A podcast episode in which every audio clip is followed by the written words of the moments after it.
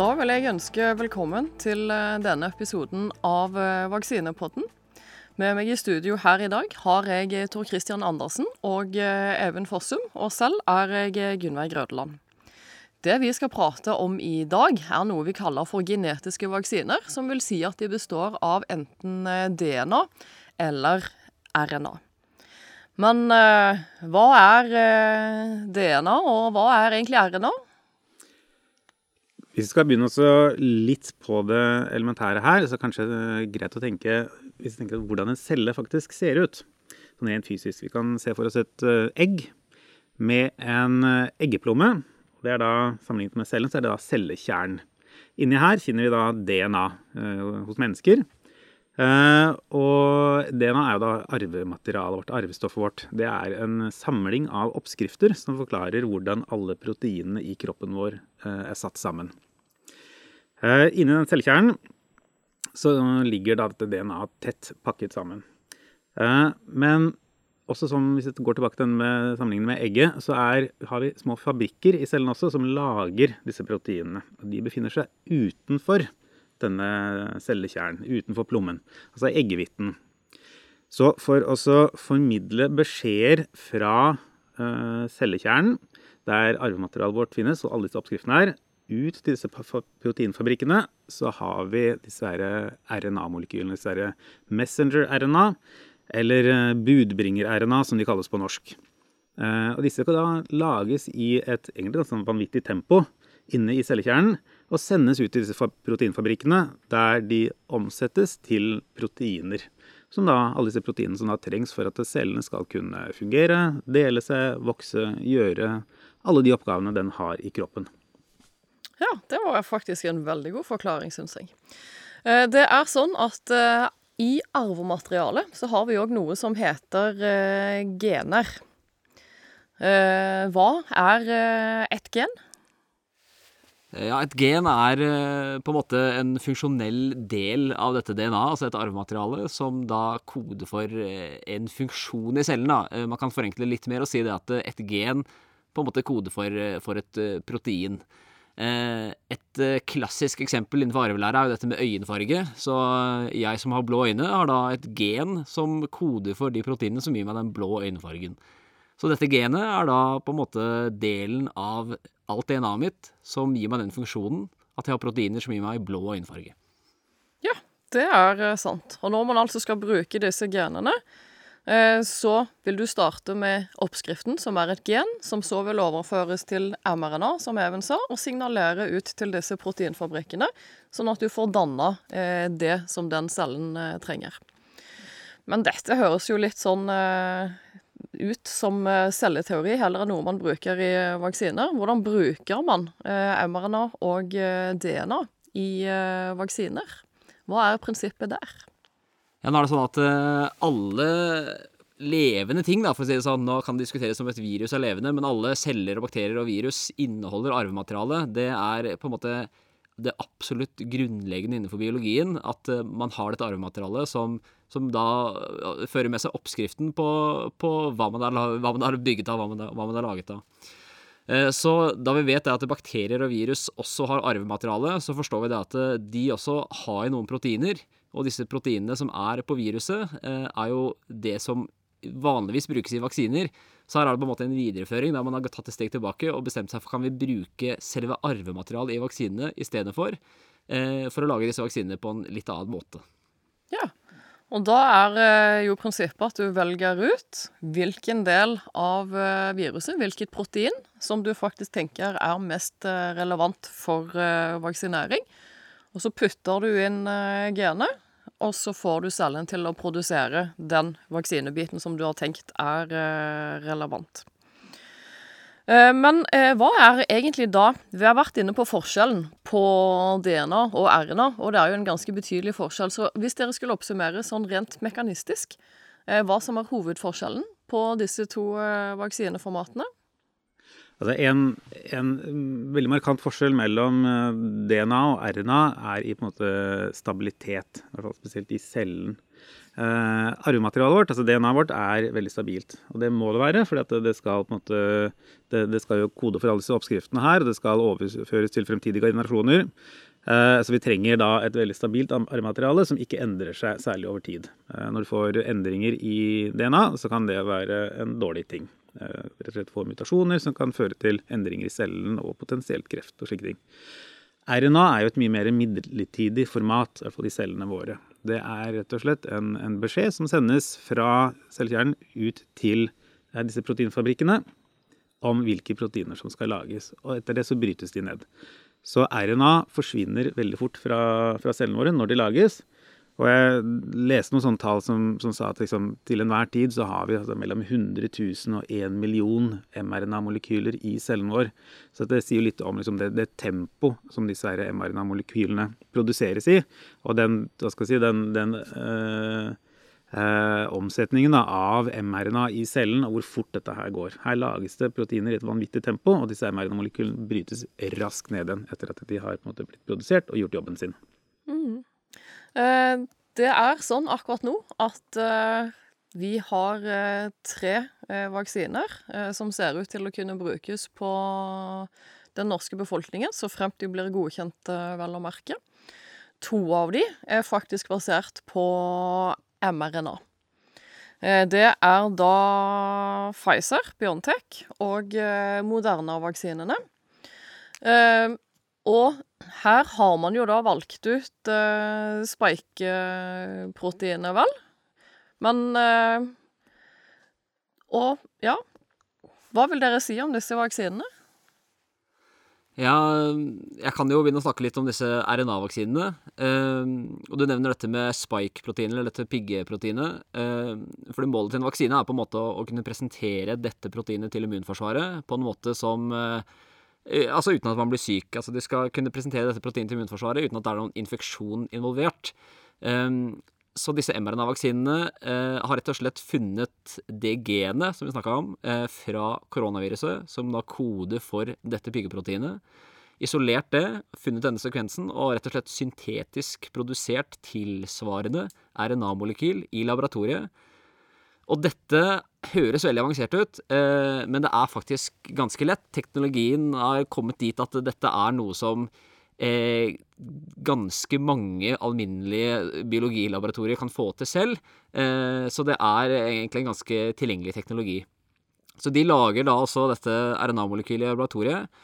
Og så, eh, som Even nevner, så er dette ganske ustabilt, så eh, vi må på en måte beskytte dette molekylet fra eh, vaksinebeholderen og, og, inn til cellene der det, der det, skal leveres. Så derfor så pakkes det inn i det som jeg kaller for en tom celle, eh, og som nå eh, vi har en veldig god analogi på, og det er dette eggeskallet som, eh, som Even nevnte innledningsvis.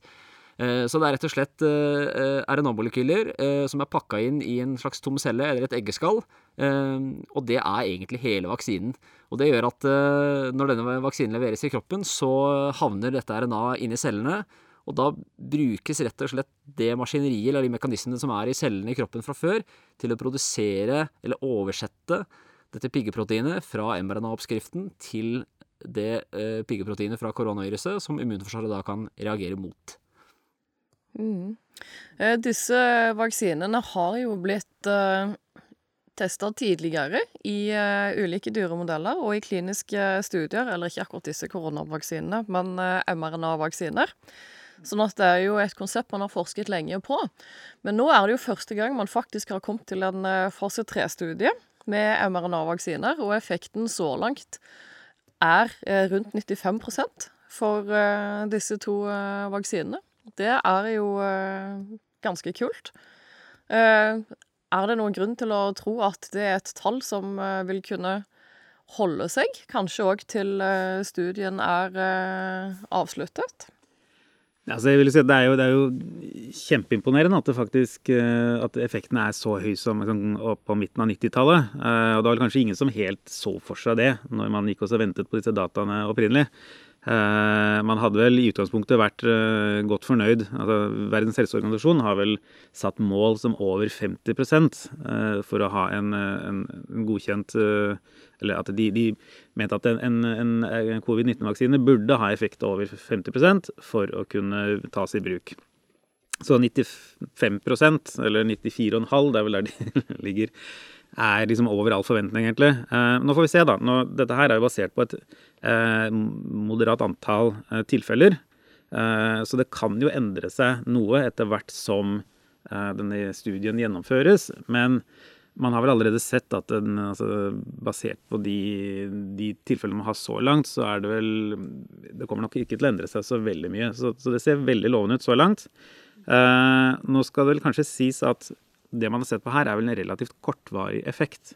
Eh, så studien har ikke vart spesielt lenge ennå. Eh, og det har jo selvfølgelig en sammenheng med at eh, det er ikke så lenge siden studiene ble satt i gang. Man har ikke hatt tid til å studere effekten over tid. Så det blir jo spennende å følge dette her litt mer framover i tid og se om den effekten opprettholdes på lignende nivå når det da kommer Begynner å gå måneder og ja, potensielt sett år. Det, det, får vi nå se. Men uh, ja. Så det, det blir spennende å følge med på. Ja, det gjør det absolutt. Uh, nå er det jo sånn at du sier det er et begrensa antall personer uh, som det er basert på. og du har helt rett i at effekten er basert på et relativt lavt antall personer. For det ligger jo rundt 100 pluss minus litt for de forskjellige vaksinene. Men dette er jo enorme studier. Eh, dette er studier som eh, hver har mellom 30 eh, og 40 000 personer inkludert. Og en av de andre tingene man ser på ved siden av effekt, er jo òg bivirkninger. Fordi her er sikkerhet like viktig å vurdere som effekt. Ja, det har jeg sett på bivirkninger, selvfølgelig. Den, eh, den, delen eh, med å se på uønskede effekter, den er, den er, alltid med gjennom eh, alle delene av studiene. Selv om fase tre da på en måte primært handler om at man skal se om vaksinene er effektive i å begrense sykdom og smitte, så er denne observasjonen av bivirkninger den er, den er alltid med. Det er selvfølgelig utrolig viktig. Eh, og det er jo eh, rapportert om noen bivirkninger. Det blir det som regel. Eh, de fleste er det man må kalle mild grad jeg har noen tall her, og det er eh, sånn mellom 5 og 10 eh, som da Altså, så der har det observert slapphet og hodepine og litt lett feber. Så, så på en måte De bivirkningene som er observert, er, er milde. Og det er rapportert om at de er både effektive og trygge, som da betyr at bivirkningene er av mild grad, og det er ikke observert noen alvorlig uønskede hendelser. Mm, det er uh, jo viktig. Uh, og jeg tenker òg det er et viktig poeng at uh, det er svært mange personer inkludert i disse to studiene. Der er ni andre forskjellige vaksiner som er i fase tre av klinisk utprøving. og som man selvsagt òg får sikkerhetsdata for, som kan underbygge alle de andre vaksinene. Så i sum så får man jo data fra mange hundre tusen personer. Men som sagt, vi har eh, den vaksinen fra Moderna og eh, Biontech og Pfizer i eh, fase tre. Det er den siste fasen av eh, tre utprøvingsstadier eh, når man kommer til eh, mennesker. Hva vet man fra før når man går inn i en fase tre-studie? Altså, hele, hele oppsettet denne, denne, gangen her har jo vært litt, eh, litt, annerledes enn det man kanskje normalt ville gjort. Altså, her gikk man jo relativt fort uh, inn i mennesker på disse vaksinene. Uh, og hvis jeg husker riktig, så var jo da altså fra man faktisk fikk den derre sekvensen, eller på en måte den, den sammensetningen av arvematerialet til SARS-CoV-2, uh, fra den ble kjent 10.1, var det vel, den gikk man ned, så tok de vel, var vel i april hvor de begynte å sette de første eh, kliniske utprøvningene. de begynte å gjennomføre de første kliniske utprøvninger for Moderna sin vaksine, mener jeg. Eh, så her har det gått liksom i et rasende tempo. Og man har jo gjort en del av disse her eh, fase 1, fase 2, oppfølging til fase 3 mer eller mindre parallelt. Også da samtidig som man har kjørt eh, dyreforsøk. Altså man har gjort, eh, testet disse vaksinene også i dyremodeller for å se om de er effektive. Eh, men normalt vil det jo på en måte være at du, du begynner i sånn preklinisk fase, som det kalles, der man gjerne tester ting i mus. Eh, begynner med tidlig utprøvning i, i små gnagere, og så utvikler det seg derfra. Eh, sånn som disse vaksinene er også etter hvert testet i primater. For å si at de da gir immunresponser og beskyttelse.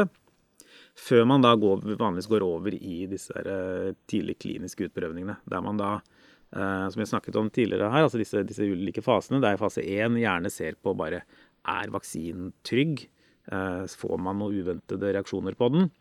Hvis man ikke får det, så går man gjerne til fase to, der man begynner å se mer på type, altså hvor mye av vaksinen kan man gi. Er det ulike doser man må gi for å, eh, for å få den optimale effekten av vaksinen? Eh, da ser man fortsatt ikke på F, altså hvorvidt den beskytter, men bare da på immunresponser.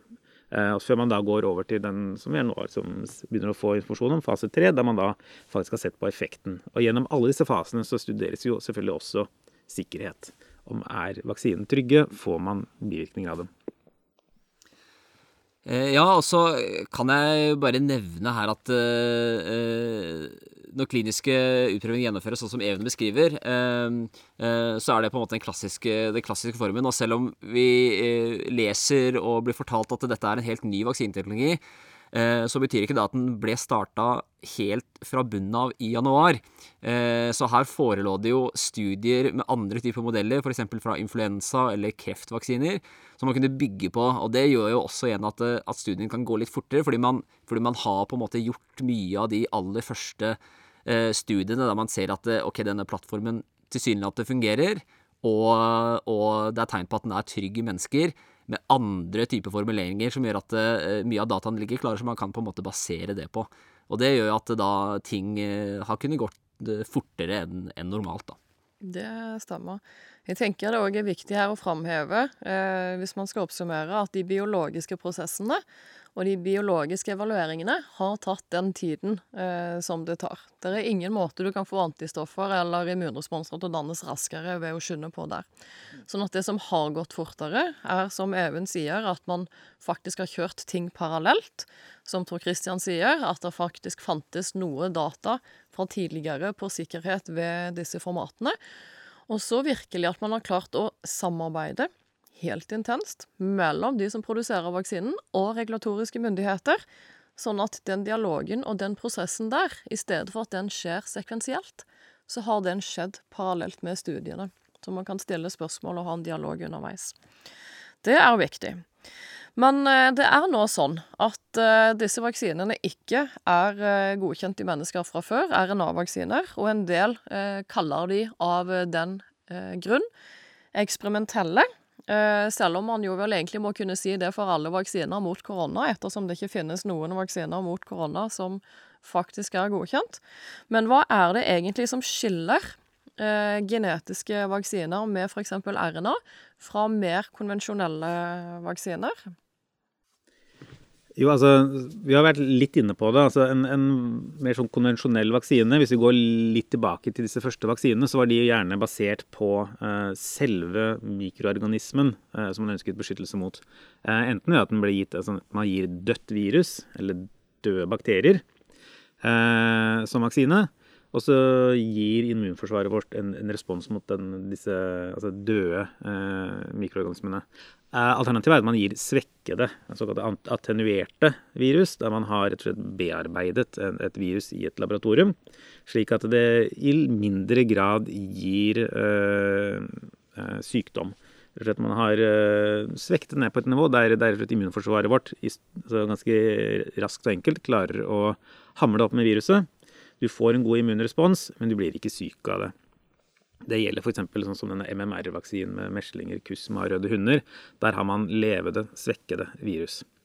Eh, I nyere tid har man også fått med disse eh, vaksinene der man mm, gir kun en liten del av f.eks. en virus eller en bakterie, såkalte subenhetsvaksiner, der du bruker rett og slett kun f.eks. dette overflateproteinet fra, fra SARS- eller covid-19-viruset eller influensa, eh, og, og får en immunrespons mot det.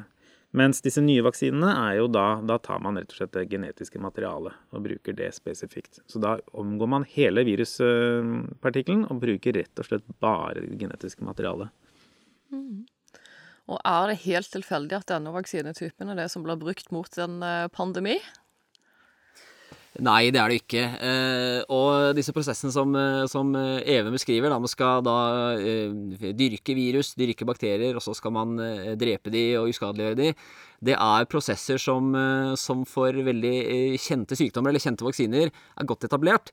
Men for helt nye virus, virus som vi ikke har jobba noe særlig med i laboratoriet før, og som vi ikke kjenner så godt, så kan det være en ganske stor utfordring å finne medier eller finne metoder der vi kan dyrke viruset og få det som på en måte kommer ut i andre enden av et laboratoriedyrka virus, til å være likt nok det som faktisk smitter eh, deg og meg.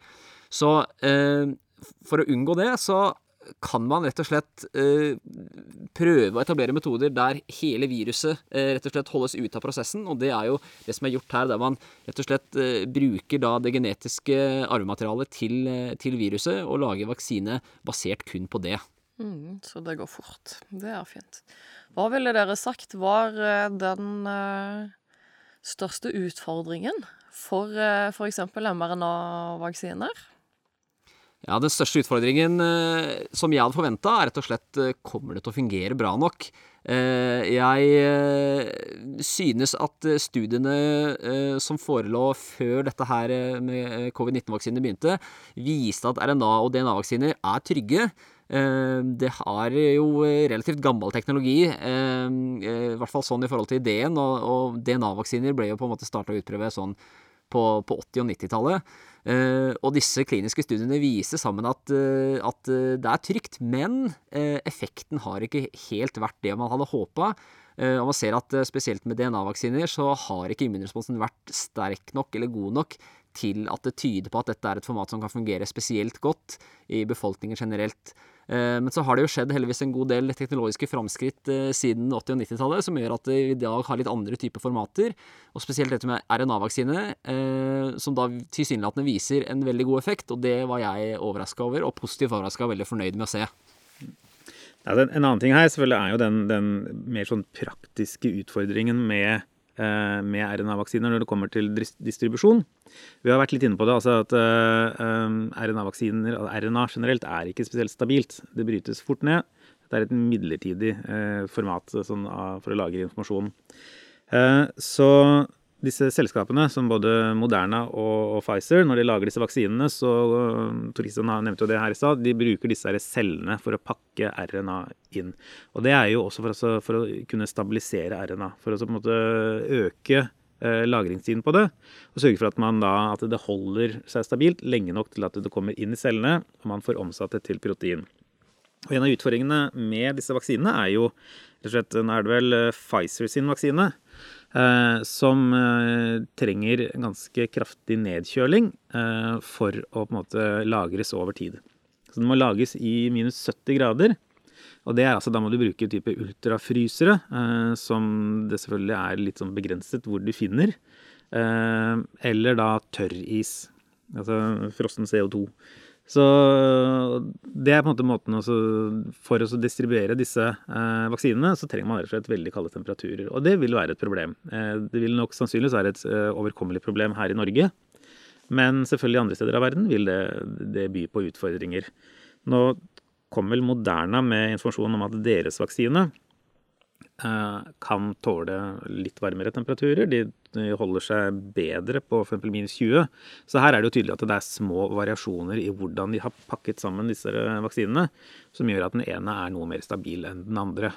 Eh, og det vil selvfølgelig kunne påvirke sånn der, hvor de brukes og distribusjon. Absolutt. Det er fortsatt vrient å distribuere eh, vaksiner på frysetemperatur til hele verden, selv om det bare er 20, minus 20 grader, som du sier, for eh, denne til Moderna.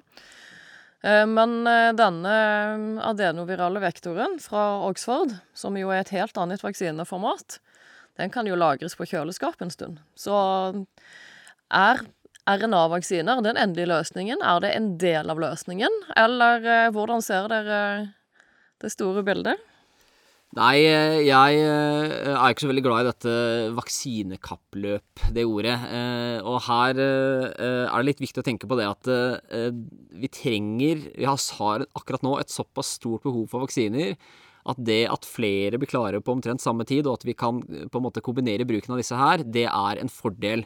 Så det at vi har nå flere typer vaksiner, som til og med er basert på litt ulik teknologi, som viser en en effekt som, eh, som, er god nok, det er, eh, det er, absolutt en fordel. Så jeg vil si at RNA-vaksiner og denne Oxford-vaksinen er begge en del av løsningen. Og en annen utfordring har jo vært dette her med bekymringen i forhold til om fremmede, fremmed arvemateriale kan påvirke den vaksinertes arvemateriale på en negativ måte. Um, nå er det jo nevnt mange ganger her at RNA er veldig ustabilt og brytes fort ned. Eh, og den kjemiske ulikheten mellom RNA og DNA gjør at eh, RNA-vaksiner eh, neppe har noen mulighet til å påvirke menneskers arvemateriale, som da er DNA. For DNA-vaksiner så blir spørsmålet litt annerledes. Vi vet på en måte fra laboratoriet at i helt fokuserte forsøk at det kan skje. Eh, men eh, kliniske studier eh, over mange år nå viser kollektivt at DNA-vaksiner, eller DNA fra vaksiner, ikke har noen reell mulighet til å påvirke arvematerialet til den som blir vaksinert. Så dette her er på en måte bare en intuitiv frykt, som da studier kollektivt viser at egentlig ikke er noe risiko ved bruk av genbaserte vaksiner. Der er vi jo helt enige. Eh, jeg eh, tenker at eh, vi avrunder dagens episode av podkasten. Tusen takk til dere. Tusen hjertelig takk til lyttere. Og tusen takk til Morten Skoglund, som har bistått oss med det tekniske på vegne av Medisinsk fakultet ved Universitetet i Oslo.